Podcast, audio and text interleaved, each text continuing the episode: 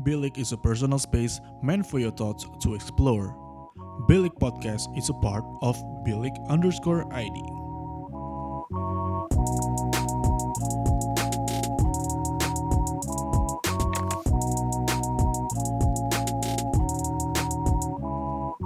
Bilik, your thoughts matter.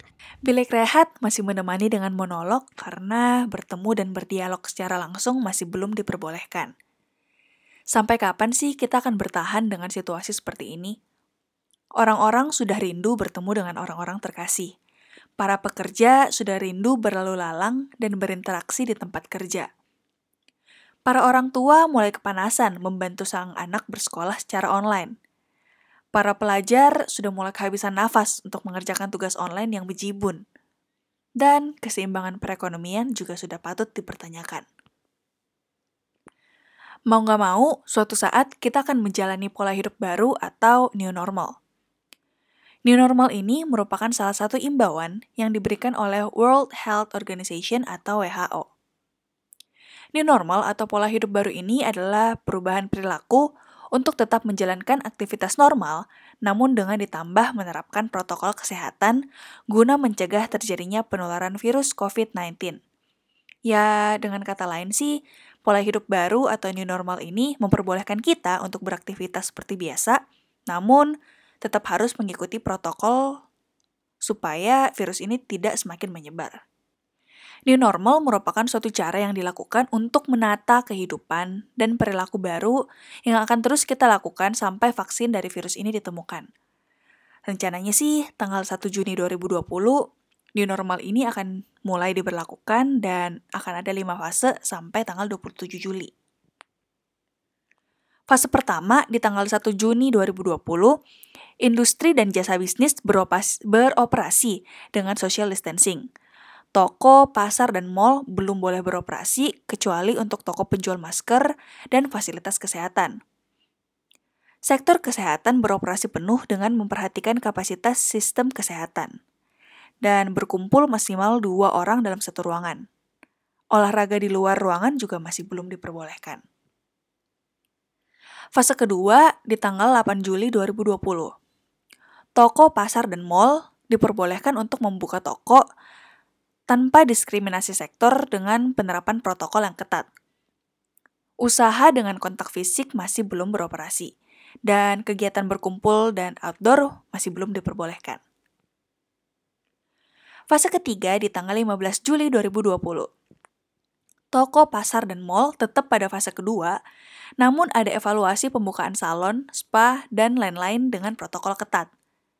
Kegiatan kebudayaan diperbolehkan dengan menjaga jarak Kegiatan pendidikan di sekolah dilakukan dengan sistem shift sesuai jumlah kelas. Olahraga outdoor diperbolehkan dengan protokol dan evaluasi pembukaan tempat pernikahan, ulang tahun, kegiatan sosial hingga 10 orang. Fase 4 di tanggal 6 Juli 2020.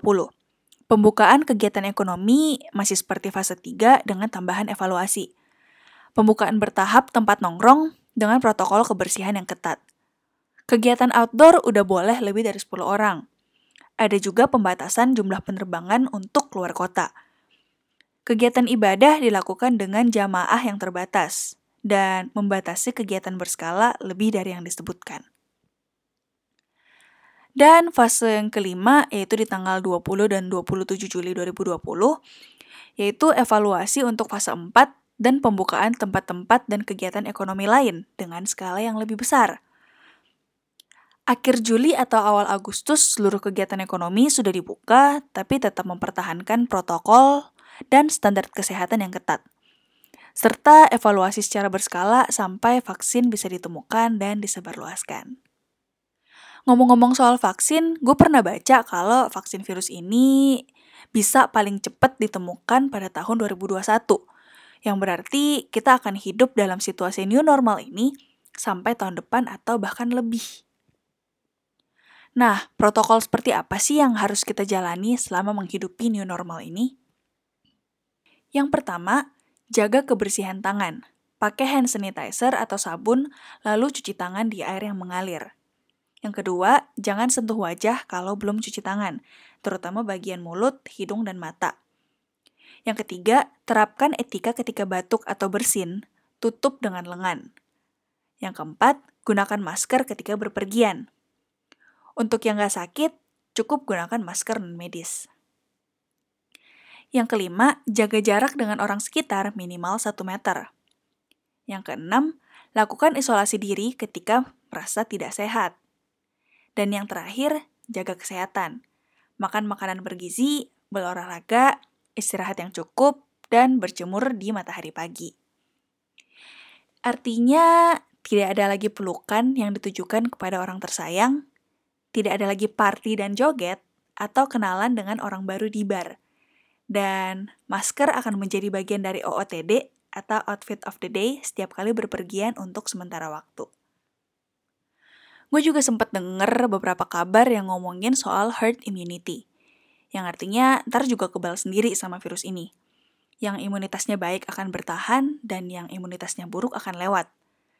Sebenarnya gue agak serem sih sama kabar yang ini karena seakan bumi tuh bener-bener ngedetox dan kayak Thanos tuh beneran ngejentikin jari gitu.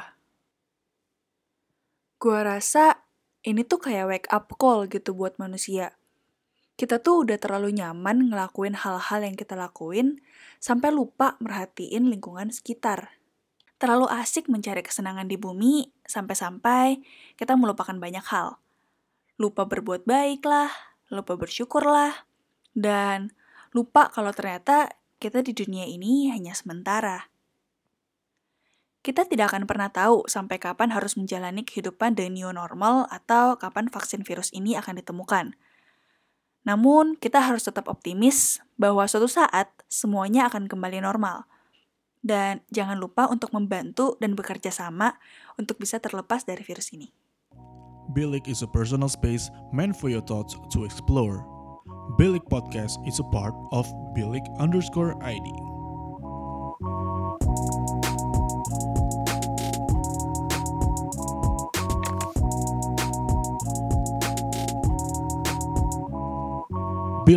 Your thoughts matter.